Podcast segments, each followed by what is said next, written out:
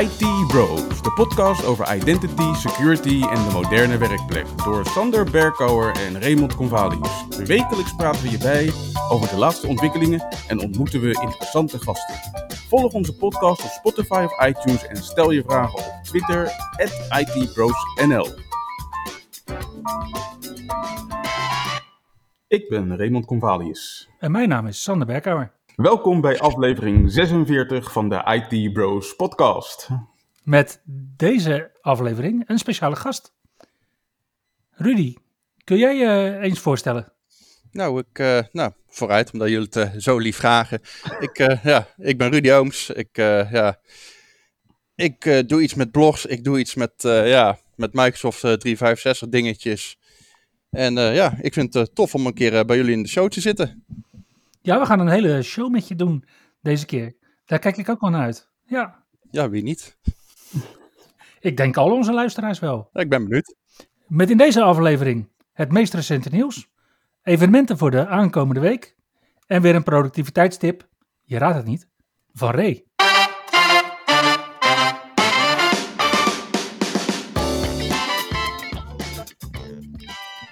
Ja, ik wilde geen opmerking gaan maken over je postuur, maar volgens mij moeten we het wel hebben over de olifant in de kamer, Rudy. Oh, vertel. Ja, ik denk dat we het moeten hebben over Log4j. Oh, Log4j, dat is, uh, dat is toch net niks mis mee. Ik zou niet weten wat er uh, verkeerd mee is gegaan, toch? Klein, klein beveiligingsprobleempje met Java. Voor de rest niks, toch? Ja, twee geloof ik. Ja, oké. De, de, de fix die dan weer een bug uit de fix moest oplossen. Maar ja, kleinigheidjes. Wie, wie gebruikt nou Log4j? Er zijn er toch niet heel veel? Nee, in de Microsoft-stal kom je hem niet heel veel tegen. Nee, maar volgens mij een paar uh, andere leveranciers, die, uh, die gebruiken hem volgens mij wel. Ik zag ook iets van, volgens mij van uh, SolarWinds, RMM voorbij komen, die hem ook leuk gebruikten. Ja, het is het... VMware. Ja, en alle Unify controllers die erop op draaien, ook mooi.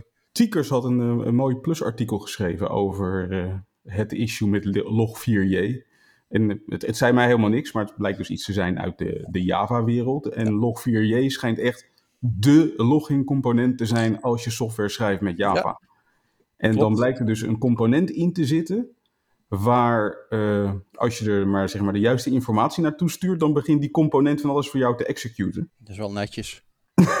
dus ja. Ja, en wat blijkt, wat blijkt, deze open source component wordt onderhouden door drie personen. Zo. En die hebben een hele hoop uh, bruine drekken hun kant op gekregen de afgelopen week. kan ik me zo voorstellen. Maar ja, dat is, ja dat, dat, dat is het succes waar je mogelijk aan ten onder kan gaan als open source project.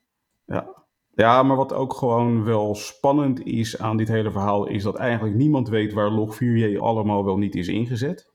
Mm -hmm. Ja, klopt. En het, het, is nu nog allemaal best vers, dus uh, ook, ook de hackers community moest nog een beetje gaan uitvinden wat kunnen we hier eigenlijk allemaal ja. voor leuks mee gaan doen. En dat geeft uh, zeg maar de mensen die het gebruiken nog een klein beetje lucht om nu heel snel te gaan patchen. Maar waarschijnlijk als je over een maand of zo niet hebt gepatcht, dan ben je de Sjaak. Dan heb nou, je een uitdaging. Ik las, ik las dat het uh, lek eigenlijk al negen minuten na de fix al werd aangevallen. Ja, alleen de aanvallen die er tot nu toe plaatsvinden schijnen vooral in de vorm te zijn van scanning. Scanning voor vulnerability. En nog niet zozeer om een geavanceerde aanval op te zetten. Maar wat je natuurlijk krijgt is dat, zeker met dat hele ransomware as a service verhaal en zo, dat al dit soort partijen die gaan nu mooie schema's uitwerken van hoe kunnen we deze vulnerability misbruiken om een mooie entry point te creëren voor netwerk XIZ. En daar vervolgens de volgende stappen mee te gaan doen, zodat we daar even flink wat geld aan kunnen overhouden. Ja, want de onderzoeksraad die publiceerde inderdaad ook uh, deze week een rapport. Waarin we lezen dat uh, spionnen en hackers, lees net als een roman, al vuistdiep zitten in Nederlandse organisaties. Je vertelt het ook als een roman. Ja, ik, ik heb een bepaalde associatie met vuistdiep, maar die zal ik jullie besparen. ik wou zeggen, dat uh, komt hierna dan. Oké. Okay. Die bewaren we voor de afterparty. Ja, ik denk het. Nou ja, goed, Log4j was inderdaad uh, de, ja, de headliner voor de afgelopen week. Maar daarnaast was het natuurlijk ook gewoon Patch Tuesday. Tijd voor Microsoft om uh, een heleboel dingen te fixen. Ja, en Patch Tuesday viel deze maand uh, redelijk laat, namelijk uh, op dinsdag 14 december. Dat, dat komt omdat de maand begon met een woensdag. En we hadden het er vorige maand ook al over dat er geen C-update komt deze maand. Dus na het patchen van Patch Tuesday ben je ook al redelijk klaar qua Microsoft. Hopelijk. Tot eind van het jaar. En er werden zes zero days ingefixt. Een kwetsbaarheid in, een, in de Epix installer. Die werd al actief misbruikt. Mm -hmm. Onder andere Emotet en Trickbot en uh, Bazaar Loader. Maar ook een zero day in NTFS. In uh, jouw favoriet Ray, de printspoeler. Ja. in, uh, in de MDM. Nou, ik ben blij dat je erbij bent, Rudy. In de Windows installer en in EFS. Spannend. Ja, totaal werden 67 kwetsbaarheden geadresseerd, waarvan 21 Elevation of Privilege, 26 Remote Code Execution, 10 Information Disclosure, 3 Denial of Service kwetsbaarheden en 7 Spoofing kwetsbaarheden. 7 daarvan zijn kritiek en 60 zijn belangrijk. Als we dan kijken waar die uh, kwetsbaarheden allemaal in zitten, dan voert uh, Microsoft Edge uiteraard de lijst aan. Dus uh, ja, iedereen heeft in zijn werk een browser nodig. Dus als je in een browser een, een fijne Elevation of Privilege kwetsbaarheid hebt, dan ben je klaar natuurlijk. Mm -hmm. Defender for IoT is met stip deze maand met 10 kwetsbaarheden. Uiteraard Office 3, SharePoint met 4. De Windows Codex Library met 6 kwetsbaarheden. En er zijn ook kwetsbaarheden gevonden in Hyper-V en in PowerShell. Ja, het was wederom de sprintspoeler hè, waar die uh, aan de beurt was. Die blijft terugkomen, heb ik het idee. Ja, dit is echt wel het, het jaar van de print nightmare. Hè? Ja niet normaal hoeveel uh, patches en hoeveel updates daarvoor uit zijn gebracht. Ik ben, wat is het, een maand geleden of een paar maanden geleden, of ja, in ieder geval toen het begon, ben ik er een blogje over gaan schrijven. Maar ja, ja dat, ik kan beter blijven. Het is een, een roman geworden, de ja. roman 2021. Je kan het beter anoniem openzetten voor andere mensen. Dan kan je net crowdsourcen. ja. Oh, Inderdaad. Niet normaal. Maar ja, ze doen in ieder geval hun best weer om het, uh, om het te repareren. Ja, en dat, dat doen ze natuurlijk niet alleen met de kwetsbaarheden, maar met, ook met functionaliteit. En we hadden het uh, daar een uh, tweetal afleveringen geleden ook over. Dat er in een Patch Tuesday update, in de community updates in ieder geval, dat we daar niet alleen inderdaad beveiligingsissues geadresseerd zien worden, maar ook functionele issues. En dat was voor jou reden, Rudy, om ons te wijzen op een functionele issue waar jij al heel erg lang over aan het praten, bloggen, schrijven bent. Ja. Uh, om ons daarvan op de hoogte te brengen. Ja, dat klopt helemaal. Dus uh, een paar weken geleden had, hoorde ik uh, jullie mooie podcast. En ja, ik uh, toen eigenlijk hoorde was dat er een bepaalde update benoemd werd. Ja, uiteraard weer natuurlijk met de printer nightmare aanpassingen, fixes. Die je toen benoemde, dat was voor mij die KB 507253. Alleen, bij mij stond hij eigenlijk meer bekend als de update die het TPM attestation, ja, debakel, eindelijk voor Intel 11 Gen Tiger Lake uh, chipsets op zou lossen. En, you had me at debakel. Vertel meer. Nou ja, als ik ga kijken wanneer uh, Intel Tiger Lake is uitgekomen, volgens mij ergens uh, september 2020. In ieder geval toen is die officieel gelanceerd. Natuurlijk nog niet in productie gebracht. Maar volgens mij pas een half jaar daarna zijn ze natuurlijk echt in productie gebracht. Ik kan me voorstellen, en ik heb grotere uh, bedrijven, de IT-managers van gesproken, die dit probleem ook gewoon hebben. En ook bij Microsoft eigenlijk aan de deur hebben staan kloppen van, ja, hoe kan dit? Want ja, we hebben duizenden devices die we een self-provisioning moeten geven. En dat werkt niet. hoe kan dat? Nou ja, en dan was toen was eigenlijk het oordeel van, hey, het is een uh, 21H2 zou het opgelost zijn. Ze had ook netjes... En dan heb je het over Windows 10 21H2, denk ik, hè? Ja, okay. klopt. En het zou ook in uh, Windows 11 21 hè, H2 zou het ook opgelost zijn. Toen eigenlijk 21H2 uh, uit was, officieel, toen dacht ik, uh, dat wil ik gelijk zien. Ik heb hem gelijk in dat uh, gedownload geïnstalleerd. Nou ja, en ja, in principe, er was ja, 0,0 veranderd ik had eigenlijk de hoop van, ja, belofte maakt schuld. Ik ga ervan uit dat het nou opgelost zou zijn. Mm -hmm. Alleen ja, dat was dus niet echt het geval. En ook bij het navragen eigenlijk van, goh, uh, weet iemand daarvan of die code die aangepast zou worden, of die er al in zit. Als ik dan te horen krijg, nee, die zit er nog niet in. Die komt eraan. Alleen ja, dat was dus de KB die ik net noemde.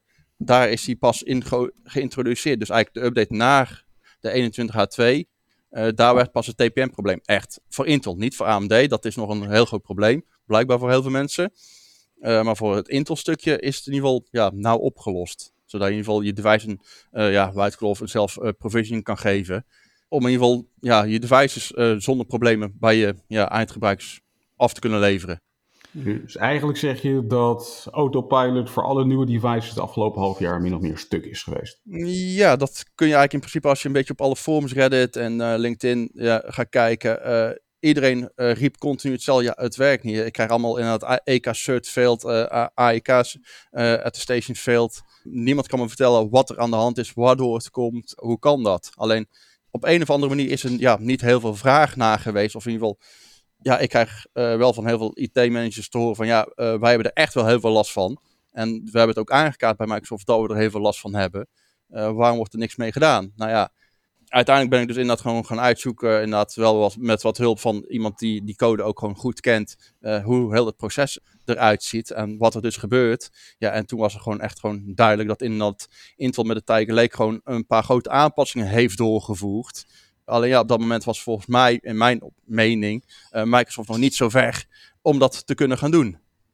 dus uh, het is inderdaad gewoon een half jaar uh, geweest dat gewoon inderdaad dezelfde deployments, dezelfde de provisioning autopilots, bij het eerste beste schermpje securing hardware, al gelijk een mooie rood, de red screen of death tevoorschijn kregen. Ja, en dat was het. Oké, okay, en dus nu heeft Microsoft dit eigenlijk met stille trom gefixt. Ja, daar komt het wel op neer. Want uh, ook als je in de release notes gaat kijken, ja, er wordt gewoon niks van benoemd. En ik denk bij mezelf, ja, het is mooi dat je Printer Nightmare weer probeert op te lossen. Dat is leuk, dat is tof. Je hebt een aanpassing gedaan in, ja, in je TPM-provisioning. Doe het dan op zijn minst ergens in een klein, uh, ja, gewoon hey, een sterretje onderin. En dan heel in het klein, ja, we hebben ook iets met TPM aangepast. Maar ja, dat staat er niet in. Was wel netjes geweest. Hè? Maar gelukkig hebben we ook niet hoeven wachten op uh, 22H1. Uh, en dat het daar inderdaad uh, ergens uh, in een hele lange lijst met bullet points zou worden begraven. ja, begraven, ja. Het is natuurlijk best wel raar en dat hoe die dingen allemaal lopen en hoe die dingen gaan natuurlijk. En ik kan dat ook wel begrijpen dat, dat sommige updates of in ieder geval sommige notificaties natuurlijk ook dat het bulletin niet halen. Maar ja, ja, ja, ja, dit was wel eentje waarvan in ieder geval waar ik persoonlijk vanaf. Wij hebben er zelf ook bij heel veel klanten last van of mee ja, dan kan ik wel verwachten dat uh, de grotere organisaties van deze wereld toch ook wel een paar vloekende IT-managers daar hebben rondlopen. Dit had wel een beetje meer aandacht verdiend. Ja, dat, ja, dat idee had ik ook. Alleen ja, op een of andere manier. Heel veel mensen hadden er last van, maar ik, ja, ik vond dat in ieder geval niet hard uh, geroepen werd op internet dat er echt een probleem was. En ja, je ziet nou ook nog steeds dat niet alle Microsoft-medewerkers natuurlijk, maar best wel wat Microsoft-medewerkers, of in ieder geval de, de first line context die je dan hebt natuurlijk als je een ticket inschiet. Die zijn volgens mij ook nog niet echt helemaal op de hoogte dat dit voor Intel al gerepareerd is. Oké. Het blijft natuurlijk een organisatie met uh, ja. pakken bij 135.000 mensen wereldwijd. Ja. Waar inderdaad de linkerhand en de rechterhand af en toe niet weten wat ze doen.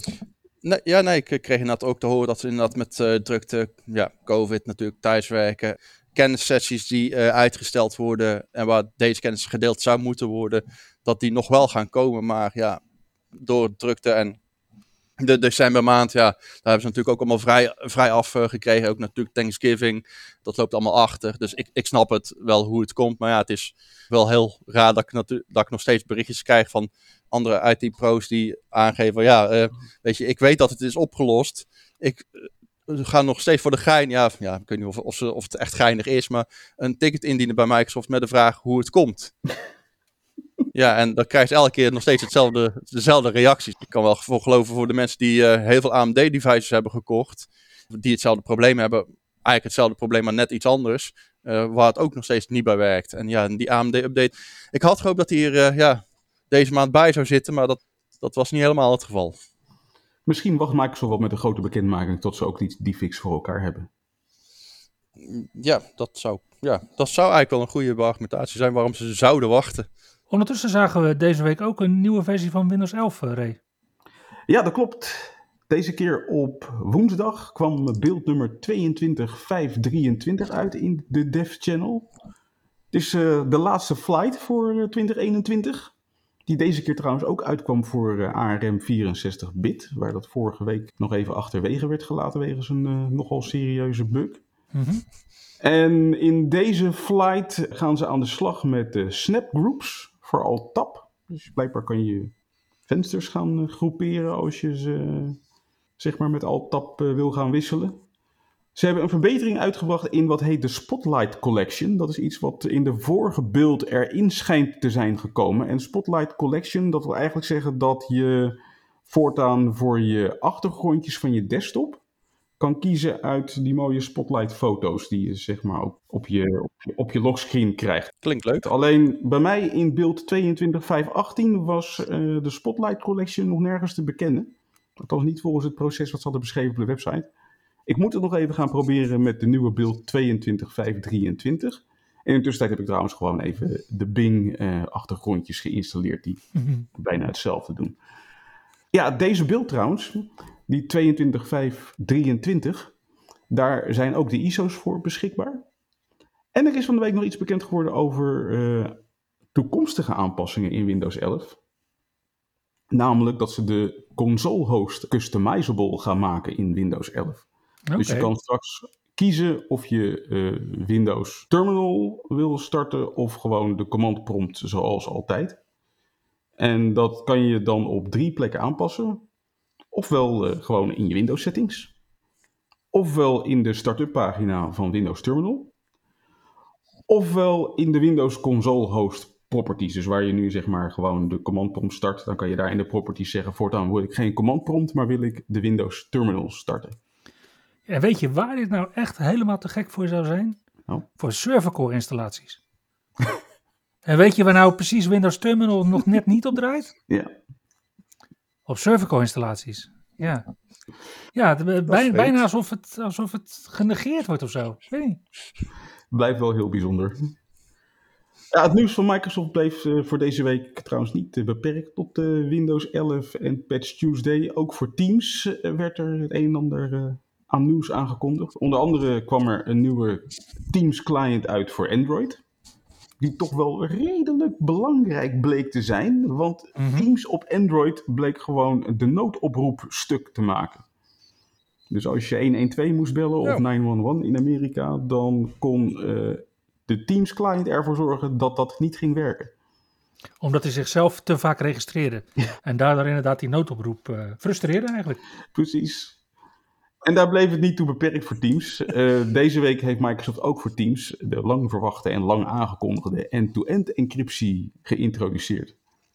En dan is end-to-end encryptie op dit moment alleen nog maar beschikbaar voor één op één gesprekken. Uiteraard. Nou, het komt er ook nog aan voor Teams-gesprekken, schijnt het. Voor Oké. gesprekken. En ja, als je dan end-to-end encryptie wil, dan komt dat wel met een prijs. Dus je, je, je krijgt security erbij en je raakt wat functionaliteit kwijt. Zo gaat het meestal met security. Dus ook, uh, ook in dit geval, als je end-to-end encryptie wil hebben in Teams, moet je ervan uitgaan dat je niet kan doorschakelen. Je kan geen transcripties doen, dus uh, niet dat de tekst uh, vanzelf verschijnt onder je spraak. Je kan niet opnemen. Nou ja, goed, en je kon dus ook al geen groepsgesprekken doen met end-to-end encryptie. Dus ja, als jij het extra veilig wil, dan zou je daarmee moeten doen. En als je het extra veilig wil in termen van Azure Connect, dan wil je ook sinds deze week Azure Connect versie 2.0.88.0 installeren. Want Microsoft heeft in deze versie van Azure Connect een drie jaar oud lek in de OData component gedicht. Dat getal 3 dat gaat vaker door mijn hoofd uh, in deze, weet je. Mm -hmm. Het is een drie jaar oud lek. Het is een versie van Azure Connect bijna drie maanden na de vorige. En ze hebben daar nog meer functionaliteit aan toegevoegd. En wat we dus nu zien is door die functionaliteit die ze hebben gewijzigd.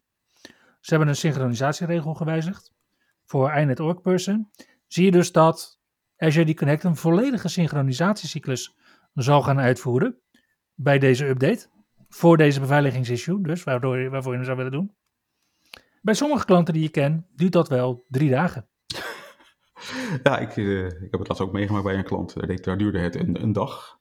En dat hadden ze niet voorzien, dus ze deden 's ochtends uh, de update van Azure AD Connect. En de rest van de dag moesten het doen zonder updates in Azure AD.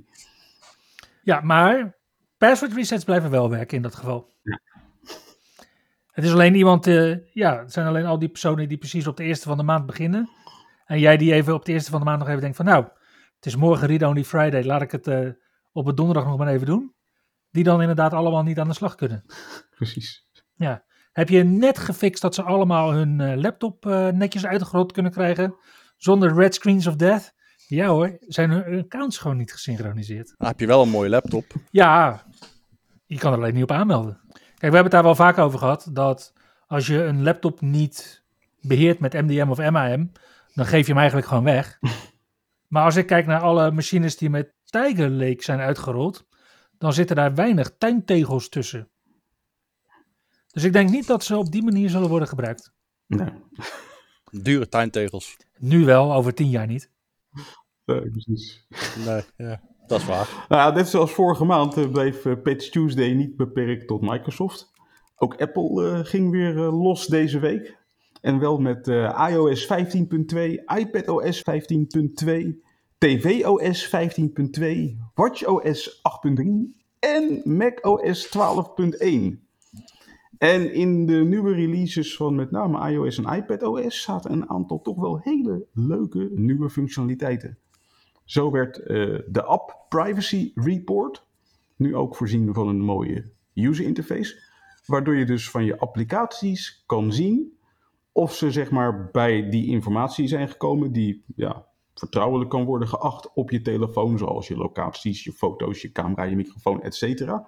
En dat je daar gewoon netjes een rapportje kan gaan krijgen welke applicatie waaraan heeft gezeten over de afgelopen zeven dagen. Daarnaast is Apple met iets heel actueels bezig geweest, namelijk je digitale erfenis. Vorige week was er nog eh, nieuws over Microsoft die voor de rechter werd Mhm. gevraagd omdat iemand zijn Hotmail-account na zijn dood niet meer benaderd kon worden door zijn nabestaanden. Microsoft liet dat voorkomen, omdat de Nederlandse wet daar niet duidelijk genoeg in is. Ja, precies. Ja. Waardoor de rechter nu ook heeft uitgesproken dat de AVG niet geldt voor overledenen. nee. En wat Apple nu heeft gedaan, is dat ze hebben gezegd van weet je wat, wij gaan het gewoon netjes regelen. Jij kan nu aangeven aan Apple wie jouw nabestaanden zijn die bij jouw digitale erfenis mogen komen.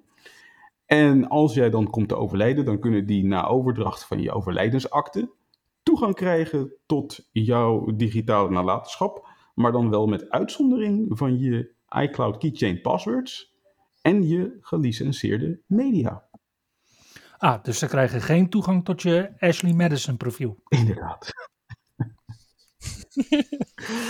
nou ja, goed. eh, dat, dat was trouwens niet het enige in iOS 15.2 en eh, iPadOS 15.2. Ik vond de lijst best wel indrukwekkend. Want eh, ook voor de, ja, zeg maar overleden iPhone-accu's hadden ze iets bedacht. Namelijk, de Find My functionaliteit blijft nu gewoon nog vijf uur Vijf werken nadat je accu is overleden.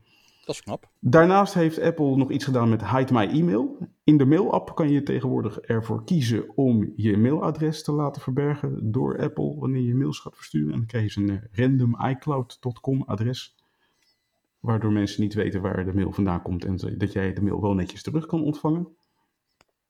En ze hebben de re- repareerbaarheid van de iPhone 13 onder handen genomen. Want daar was ook al nog wat ophef over ontstaan. Namelijk als je het scherm verving van de iPhone 13, dan was Face ID stuk. En dat kon alleen hersteld worden wanneer je over speciale software beschikte van Apple, die uiteraard alleen Apple had.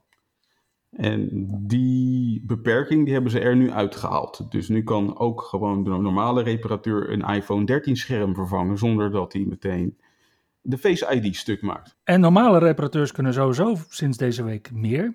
Want iFixit en Microsoft gaan samenwerken. Ja. iFixit en Microsoft doen dat door een reparatietoolset voor Surface-apparaten aan te bieden. En op zo'n manier kunnen de Pro-Independent Repairers, die bij iFixit zijn aangesloten, maar ook Microsoft Authorized Service Providers, Microsoft Experience Centers en Microsoft Commercial Customers zelf hun Surface-apparaten repareren. Ja. De kit is eh, ontworpen door Microsoft en wordt gefabriceerd door iFixit. Leuk setje, inderdaad. En eh, misschien nog wel iets voor de, de, de wat meer professionele hobbyisten om ook eh, surfaces te gaan proberen te fixen. Al begreep ik trouwens wel dat een heel veel van die, van die toolset onderdelen zich richten op het eh, eh, losmaken van lijm en vastlijmen van spullen eh, om de boel weer aan de praat te krijgen. Het uh, ja, deed mij heel erg denken inderdaad aan mijn uh, voormalige gitaarcarrière, waar ik heel veel met uh, Plektera speelde. En ja, dat heb je nu weer een verzameling van. Ja, inderdaad. je kunt er nooit voldoende hebben. Nee, precies. Nou, we hadden het net al over Log4j, wat de afgelopen week de, de, de headlines wel heeft gedomineerd. Daarnaast had eh, Google ook nog wel een, een uitdaging met Chrome. Er bleek namelijk een eh, zero day in Google Chrome te zitten. En wel in de Chrome versie 8 JavaScript engine. Waardoor Google genoodzaakt was om op 13 december met spoed een update uit te brengen. Want ze hadden ja, er toch wel last van dat deze uh, bug al actief werd misbruikt. En voor de statistieken, Ray, de hoeveelste Zero Day was dit in Chrome dit jaar? De zestiende dit jaar. Dus ruim meer dan één per maand. Ja, browsers, uh, browsers blijven lievelingsobjecten van kwaadwillenden. Iedereen heeft er inderdaad eentje nodig, zoals je al aangaf. Yep. Precies. Nou ja, en over kwaadwillenden gesproken. Vorige maand was er al, uh, was het was een paar weken gerucht dat er wat uh, nieuwsartikelen verschenen dat de Apple AirTag werd misbruikt door autodieven. Namelijk, als een autodief jouw auto op het oog had, dan plakte die ergens een AirTag aan jouw auto. Zodat hij wist waar jouw auto uiteindelijk gebleven was. En dan werd die s'nachts even netjes van de carport meegenomen.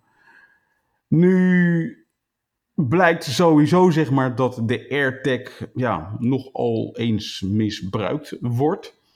Ook omdat uh, de AirTag eigenlijk, zeg maar, hij wordt wel gedetecteerd door je iPhone of, uh, of je iPad. Als, als, als jij, zeg maar, een, een, een AirTag per ongeluk in je tas verstopt krijgt en je neemt hem mee naar huis, dan begint jouw telefoon, jouw iPhone, je wel te waarschuwen. Het probleem is alleen, als jij geen iPhone hebt, maar een Android-telefoon, dan word je dus niet gewaarschuwd.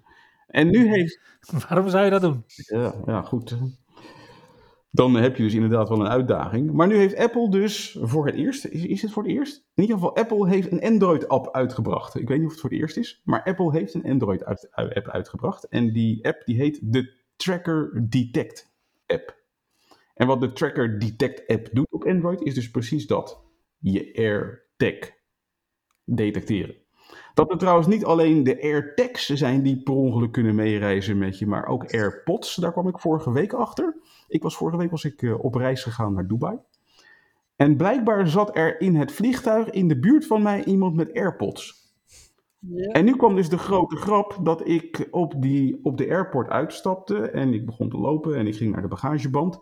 En bij de bagageband aangekomen, daar begon mijn telefoon die begon te piepen van ja, er is, een, is een, een, een AirPod en die reist nu al enige tijd met jou mee. Dus blijkbaar worden niet alleen AirTags gedetecteerd, maar ook AirPods. En dat was dus blijkbaar een medepassagier die waarschijnlijk bij mij in de buurt heeft gezeten. En waarschijnlijk nog steeds bij mij in de buurt stond op het moment dat ik mijn bagage ging ophalen.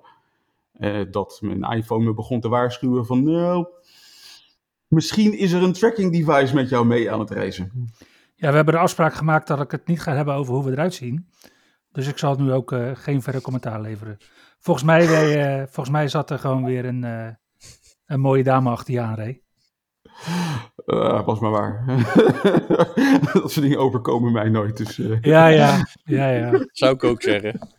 Apple probeert op deze manier wel te voorkomen dat zeg maar, hun devices worden gebruikt voor tracking. Met uh, de Tracker Detect kan je trouwens uh, het apparaatje, als blijkt dat, die, dat het apparaatje te lang bij jou in de buurt is, ook gewoon nog even laten piepen zodat je hem kan vinden. Ik vraag me af of dit een onderdeel moet zijn van Android. Ik denk eigenlijk dat Android dit zelf zou moeten doen. Maar ja, dan had eigenlijk natuurlijk uh, ja, de de AirTag een soort van standaard ding moeten zijn wat gestandardiseerd is en waarvan Google ook zegt van nou dat gaan we ondersteunen en daar gaan we ook mee aan de slag. Maar ja, ik denk dat we lang kunnen dromen van uh, Apple die een, uh, een standaard neerzet die door meerdere fabrikanten gaat worden ondersteund. Ja, of überhaupt inderdaad uh, worden gespecificeerd. En ja, als we dan toch gaan kijken naar mensen op ideeën brengen, dan blijkt dat de aanstaande regering op het idee is gebracht om toch het budget voor onze Nederlandse autoriteit persoonsgegevens te verhogen, structureel. En de autoriteit persoonsgegevens krijgt er 8 miljoen euro extra bij, bovenop hun huidige budget van 26 miljoen euro per jaar. Daarvan is wel 3,6 miljoen geoormerkt voor de nieuwe algoritme-toezichthouder. Wat ik trouwens ook een heel erg goed uh, idee vind. Yep. Maar volgens de autoriteit persoonsgegevens hebben ze minimaal 100 miljoen euro per jaar nodig om hun werk goed te doen. Klein verschil. Ja, nou is, de, nou is de autoriteit persoonsgegevens in Nederland sowieso een van de ruimst betaalde privacy-toezichthouders. Maar ook een van de actiefste. Dus ik ben eens gaan duiken in wat zij de afgelopen drie jaar, dus sinds uh, zeg maar het afdwingen van de AVG hebben gedaan. En daar zitten toch wel hele mooie cases bij die ze onder onze aandacht hebben gebracht. Kunnen jullie je nog uh, bijvoorbeeld de boete herinneren voor het BKR, het Bureau Kredietregistratie? Ja, ja. Zij kregen een boete omdat ze inderdaad drempels opwierpen om je eigen kredietregistratie te kunnen zien. Tja. Terwijl het volgens AVG iets is wat je in ieder geval de eerste keer gratis moet kunnen. Ja. Ik kan me ook nog uh, van eerder dit jaar herinneren dat Booking.com een boete kreeg voor het niet tijdig melden van een datalek. Wat alweer vele jaren geleden plaatsvond, maar inderdaad pas dit jaar uitkwam. En wat blijkt ook als je inderdaad verkeerd adresseert, dan kan je daar een boete krijgen, zoals de PVV Overijssel dit jaar overkwam. Dat is heel pijnlijk dit. Klein beetje. Ja. Ja. ja, wat pijnlijk is, is dat het overgrote deel van de boetes, wat door de autoriteit persoonsgegevens is uitgedeeld, naar overheids- en semi-overheidsbedrijven is gegaan. Ja, nou ja, dat verbaast mij dan ook weer eigenlijk helemaal niks. Het is alleen zo zonde van onze belastingcenten. Beetje wel. Nou aan de andere kant is het ook wel weer een beetje vestzak broekzak, denk ik. Dat onze belastingcenten in de, in de zakken van andere overheidsinstanties verdwijnen. Ja, maar ik denk dat daar ook wel de mogelijkheid bestaat dat de autoriteit persoonsgegevens op die manier hun budget sluitend kan krijgen. Ja, er zit een verdienmodel in, denk ik. Ja, ze hebben nog geen miljoenenboetes uh, uitgedeeld vanuit uh, de autoriteit persoonsgegevens. De hoogste die ze hebben uitgedeeld is uh, 830.000 euro aan BKR. Maar misschien dat we, misschien nog wel dit jaar, maar waarschijnlijk volgend jaar, inderdaad door de grens van een miljoen uh, gaan qua boetes. Ik kijk er naar uit.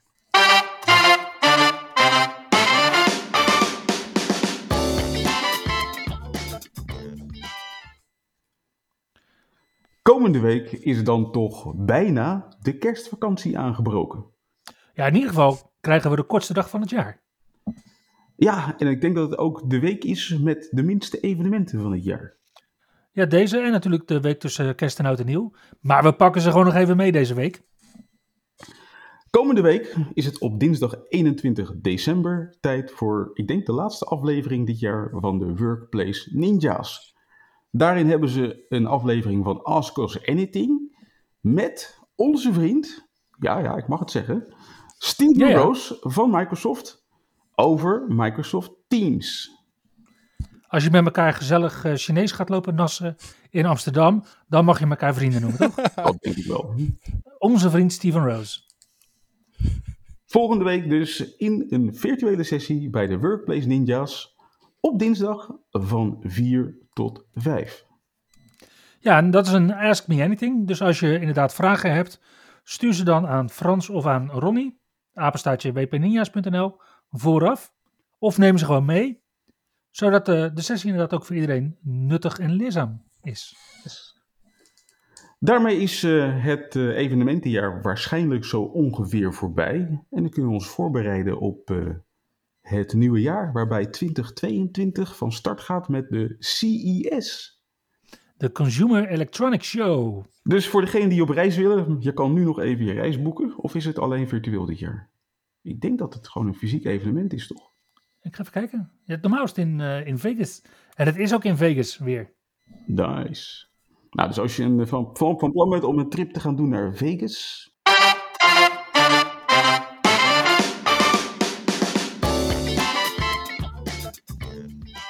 Ik eh, ben heel benieuwd eh, wat eh, de productiviteitstip van deze week is. Dat kun je vast zeker eh, uitleggen aan ons. Ja, nou ja, ik had het vorige week nog erover dat Microsoft iets ging doen met eh, voice commando's in Windows. En nu blijkt dat er al enige tijd eh, in Windows ook een functionaliteit zit voor voice typing. En ik had er eigenlijk nog nooit iets mee gedaan. Dus ik, was iets, ik had zoiets van, nou, laten we toch eens even kijken naar voice typing. Nou, een voice typing kan je vrij makkelijk starten door de toetscombinatie Windows H te gebruiken van Hendrik. En als je Windows H start, dan verschijnt er een microfoontje in beeld. En als je dan een willekeurig programma hebt gestart wat iets kan doen met tekst, dan kan je beginnen te dicteren. En dat dicteren kan ook in het Nederlands. Oh, dat klinkt nou weer eh, heel mooi. In plaats van alleen maar in het Engels. Daar was ik inderdaad ook prettig verrast over. En waar ik nog meer prettig verrast over was, was eigenlijk hoe goed het wel niet werkte. Vertel. Windows verstond mijn Engels. Dat was al een aardig eh, Dat was een Ja, dat prestatie. eh, prestatie, ja precies. En Windows verstond ook mijn Nederlands. Ook het schakelen? Ook het schakelen ging goed. Alleen voor het schakelen moet je dus gewoon nog gebruik maken van Windows Spacebar om van taal te wisselen.